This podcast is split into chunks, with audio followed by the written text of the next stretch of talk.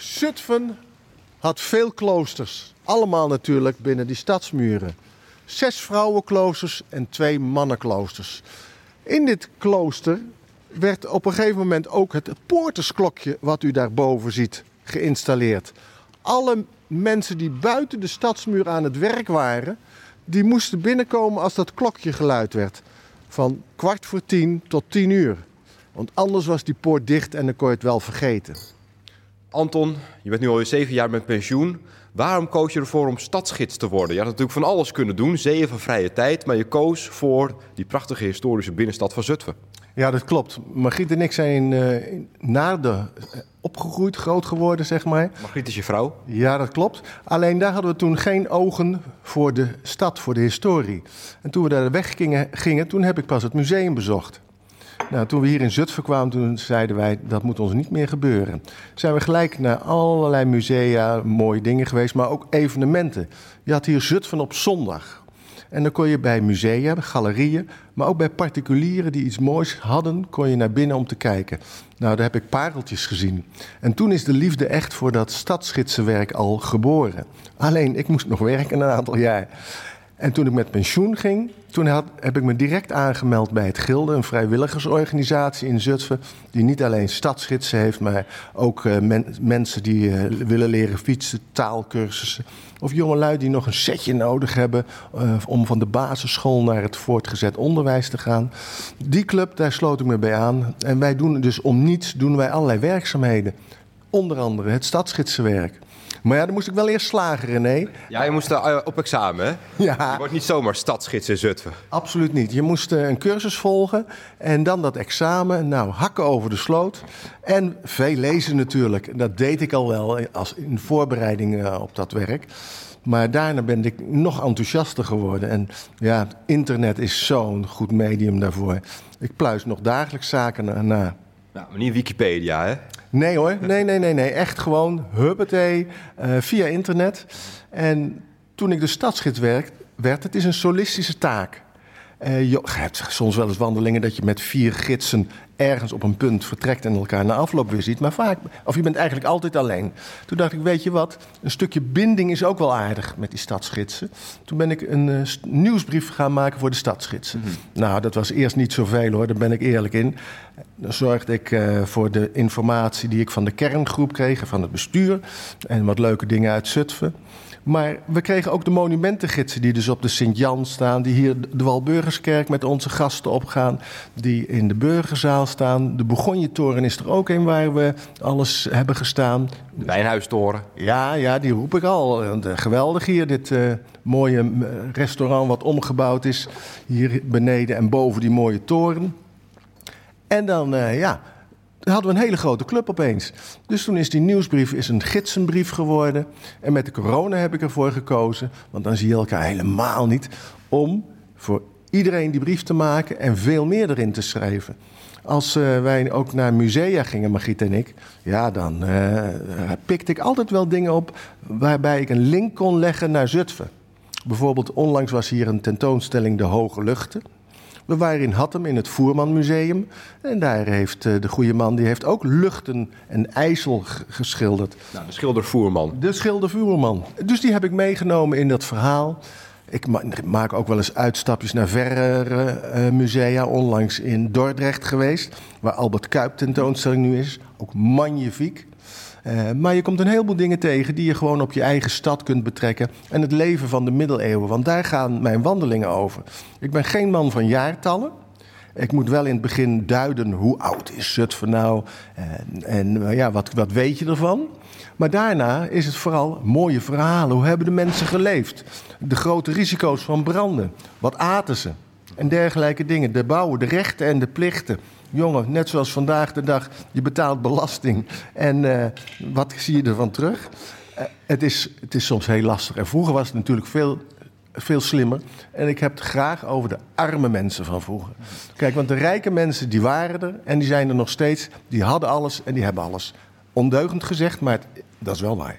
Je bent nog steeds verhalen aan het vertellen. Je bent nog steeds woordvoerder uh, op een hele andere manier. Nu van de stadsgidsen in, uh, in Zutphen. Maar eerst van de politie. Dat heb je 25 jaar gedaan. We hebben elkaar veel ontmoet ook. Zoals je zoveel verslaggevers van Radio Gelderland bent tegengekomen. Denk er nog wel eens aan terug? Aan die 25 jaar dat je voor de politie uh, op de radio en de televisie... vooral in Gelderland aan het woord was? Jazeker, en het komt ook regelmatig terug. Zeker als er weer in de media aandacht is aan een zaak waar jij de woordvoering over hebt gedaan. Bijvoorbeeld het feit, uh, de zaak van Christel Ambrosius, waar de verdachte uh, voorlopig in vrijheidstelling heeft gevraagd. Nou, er komt een artikel in de krant en dan komt dat weer naar boven. Ik was uh, in het gemeentehuis hier en daar hingen de of daar hangen de portretten van de oud-burgemeesters. Nou, daar kom ik uh, Annie Brouwer-Korf kom ik tegen. Annie Brouwer. Ook een burgemeester waar ik enorm veel aan te danken heb. Arnold Gertsen, de burgemeester. Ook een toffe man waar ik zaken mee heb kunnen doen. Ja, dan komen er een heleboel oude zaken weer naar voren... als ik die foto van die mensen weer zie. Wat voor zaken, waar denk ik nog meer aan? Ja, hele trieste zaken, want het was nooit een feestje waar ik bij kwam. Het was altijd ellende. Overvallen, moorden, eh, doodslag, verkrachtingen en noem maar op. Ja, de, de, een van de zaken die me altijd bij zal blijven... dat is de zaak van jo Johan Noording uit Aalten, die vermoord is. Maar ook de, het meisje van Nulde, wat toen... Uh, uh, vermoord is, waar Bert Top, mijn collega, woordvoerder van de Veluwe, eigenlijk de woordvoering voor deed. Maar ja, zo nu en dan moet je eens vrij zijn. En ja, dan was hij vrij en dan was er weer een ontwikkeling in de zaak. En dan nam ik het over. Maar ook in, in Doetinchem, het vinden van het babytje... het levenloze lichaam van het babytje in, de, in een kolk... Uh, en waarvoor vervolgens een uitvaartdienst is ge georganiseerd. Ja, heeft ook een naam gekregen, het babytje Sam Vijverberg. Ja, dat klopt. Uh, in overleg met de burgemeester die daar toen zat, heeft uh, hij die naam gekregen. Helaas zijn de ouders de moeder in ieder geval, nooit bekend geworden. Ja, en dat is altijd een hoop die je hebt, dat je als woordvoerder daar een bijdrage aan, mag leveren. Want uh, als je niet meer in het nieuws bent, dan wordt een zaak vergeten. Dat is ook de reden waarom ik regelmatig zelf de media heb opgezocht. Uh, en dat klinkt heel verwaand, maar je moet het publiek betrekken bij je politieonderzoek. De politie kan heel veel, zeker vandaag de dag met al die technische hulpmiddelen. Maar in het begin was dat niet het geval. En als je het publiek erbij betrekt, ze zien veel meer dan we denken. Maar dan moet je ze wel benaderen. En als je dat niet doet, is het jammer. Ja, en daarom kwam dat hoofd van mij nog wel eens op televisie en regelmatig op de radio. Ja, bijna iedere dag. Ja, ik kan er niks aan doen, maar ik werd ervoor betaald en het werd ook van mij gevraagd om te zorgen dat ik uh, dergelijke zaken onder de aandacht van de media bracht. Merkte je dat je een bekende, nou in ieder geval een bekende Gelderlander, maar op een gegeven moment ook een bekende Nederlander was? Ja, dat merkte ik zeker. Tot in allerlei plekken. Uh, ik, ik, weet nog uh, vakanties bijvoorbeeld. Er zijn er vijf. Ik kan ze echt op één hand tellen dat ik niet herkend werd. En of dat nou in Frankrijk was of in Griekenland. Overal werd ik herkend. We waren een keer in een heel klein klooster op een Grieks eiland. En ik zie daar een man staan bij het altaar. Ik denk, nou, dat is de, de, geestelijke van het geheel. Dus ik zei Kalimera Sas, ik, die twee woorden Grieks die ik kende. Hij zegt, dag meneer de Ronde. Je had elkaar nooit eerder ontmoet. Nee, nee, maar hij kwam uit Harderwijk, dat weet ik dan nog. En uh, ja, hij had mij op TV Gelderland gezien of op de radio gehoord. Ja, dat, zo gebeurde dat. Maar ook op campings. En dat had soms wel eens een nadeel, want sommige mensen vinden het dan wel interessant om jou te kennen. En die spraken me dan aan en die wilden eigenlijk alleen maar over die politie praten. Ja, en ik wilde graag vrij zijn. Want je moet je hoofd ook wel een keer leegmaken. Uh, want het was een periode toen, als woordvoerder gingen we overal naartoe. Eigenlijk was het gekke werk, maar ja, zo zat de organisatie toen in elkaar. Het gebeurde in, de, in die tijd dat hier in uh, Eerbeek regelmatig branden bij de papierfabrieken waren. En als politiewoordvoerder deed je ook de woordvoering voor de brandweer en ambulance, de zogenaamde gripwoordvoering, als er opschaling van personeel plaatsvond. Ja, dan werd je weer uit je bed gepiept. Wij gingen op vakantie in de, in de auto. Margriet zegt op een gegeven moment: Heb je die rotpieper nog aanstaan? ik zeg: Ik heb helemaal geen pieper bij me. Want zij lag wel altijd naast me. Hè? En als die pieper ging, was zij ook wakker. En zij moest die ochtend ook weer naar haar werk. Nou, dat was de reden dat toen ik in Apeldoorn kwam te werken, Als ik een nachtelijke klus had, ging ik daar in de politiecel, de kindercel, slapen. Daar lagen namelijk altijd nette lakens en dekentjes. En dan had ik mijn uh, toiletartikelen bij me altijd in de auto. En dan ging ik daar slapen. En dan uh, werd mijn giet ochtends wakker en, uh, huh, waar is hij? Oh, hij zal wel weer wat gehad hebben. Je noemt even zijn tussenneuslippen door een kindercel. Wat is dat? Een kindercel is een kindvriendelijke cel waar geen betonnen bed is, maar een gewoon bed met gewone lakens die opgemaakt worden, die wat vriendelijker uitzien dan de telefoon of dan de cellen waar je de zeg maar volwassen verdachten in worden opgesloten. Ja, maar is die echt speciaal bedoeld voor kinderen? Ja, daar hadden we er in Apeldoorn even uit mijn hoofd geloof drie van met een rood gekleurd bed. Mhm. uh, het kwam wat vriendelijker over, want het is natuurlijk niet niks als je in een cel wordt gestopt. Uh, nou ja, de mensen die het hebben meegemaakt, die kunnen erover meepraten. Ik ook trouwens, want ik heb een keer proefpersoon geslapen in het huis van bewaring hier in Zutphen. Nou, ik zou je zeggen, dat was geen lolletje. Want die deur zit dicht en die gaat niet open. En dat is het grote gemis altijd wat je hebt als je veroordeeld bent. Uh, jij bepaalt niks meer. Bewakers bepalen wanneer jij gaat luchten, wanneer jij naar arbeid gaat en dergelijke dingen. Heb je, uh, denk je, een bijdrage kunnen leveren om uh, uh, meer begrip te kweken voor de politie in deze samenleving? In mijn werkbare periode heb ik dat zeker geprobeerd en ook zeker gedaan. Ik heb, kreeg regelmatig reacties en het klinkt verwaand, maar zo is het absoluut niet bedoeld. Ik kreeg echt reacties van, dat heb je goed gedaan, heb je goed gezegd. En ja, daardoor gingen mensen je ook aanspreken. Maar ja, ik heb, ik heb wel die bij, of denk dat ik die bijdrage wel heb geleverd. Want ik heb het idee dat politie en samenleving uh, steeds verder bij elkaar vandaan beginnen te, te, te raken. Dat die elkaar steeds minder goed snappen. Uh, jij zegt het, René. Ik denk het wel eens. En ik spreek het ook wel eens natuurlijk in familie- en vriendenkring uit. De hoofden van de woordvoerders zie je nog maar bij hele, hele grote zaken. Terwijl ik zo het idee heb, dat moet je veel meer doen. Maar we raken ook veel meer in het uh, tijdperk waar we met WhatsApp, met Facebook, met noem maar op bezig zijn.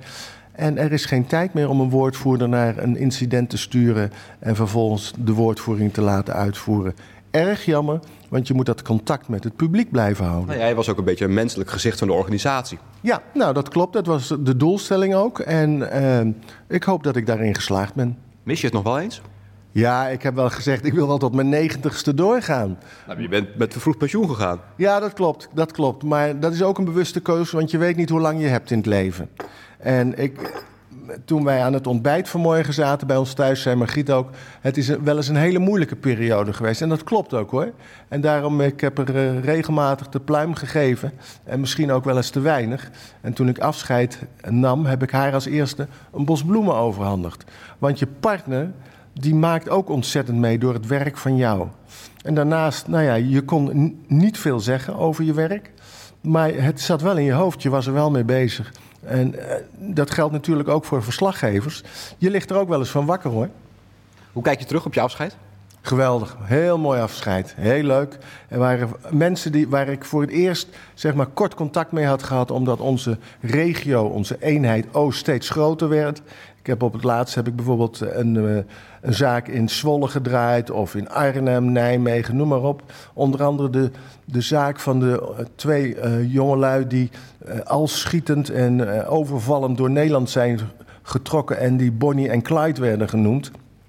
Dat was een van mijn laatste zaken. Nou, die, die politiemensen van het rechercheteam kende ik helemaal niet.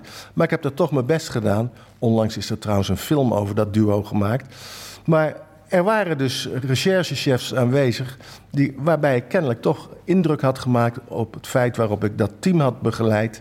Als eenling sta je daar als woordvoerder. En dat vond ik enorm leuk. Justitie was er ook, waar ik niet altijd even makkelijk voor was.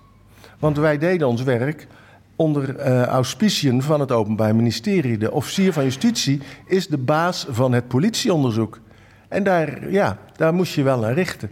En dan heb ik wel eens met kromme tenen gestaan. Ik ben ook wel eens ondeugend geweest, dat geef ik gif toe. Je kijkt op een uh, hele mooie periode terug, denk ik. 25 jaar politiewoordvoerderschap. En nu lekker als stadsgids. Jazeker, en ik hoop dat nog vele jaren te kunnen doen. Ook medewerken bij de VVV. En met dit programma probeer ik ook mensen uit te dagen om naar Zutphen te komen. Maar ook als ze vrijwilligerswerk willen doen in Zutphen. Torengids, monumentengids, bij de VVV, bij het Bolwerk, waar we straks nog naartoe gaan. Ze zijn allemaal van harte welkom.